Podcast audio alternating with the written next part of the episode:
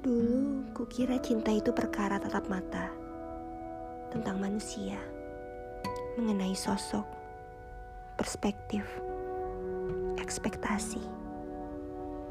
Tapi dalam kondisi yang katanya tidak nyaman ini telah membuatku mengerti bahwa kadang cinta tidak melulu berkorelasi dengan makhluk.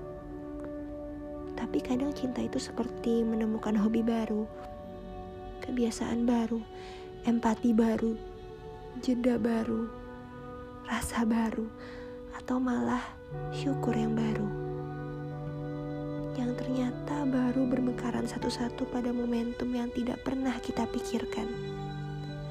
Pada waktu-waktu yang kita gadang telah menimbun rasa bosan dan merenggut kebebasan. Dan ya, ternyata benar adanya. Bahagia tidak selalu ada pada akhir. Pada beberapa cerita di pertengahan.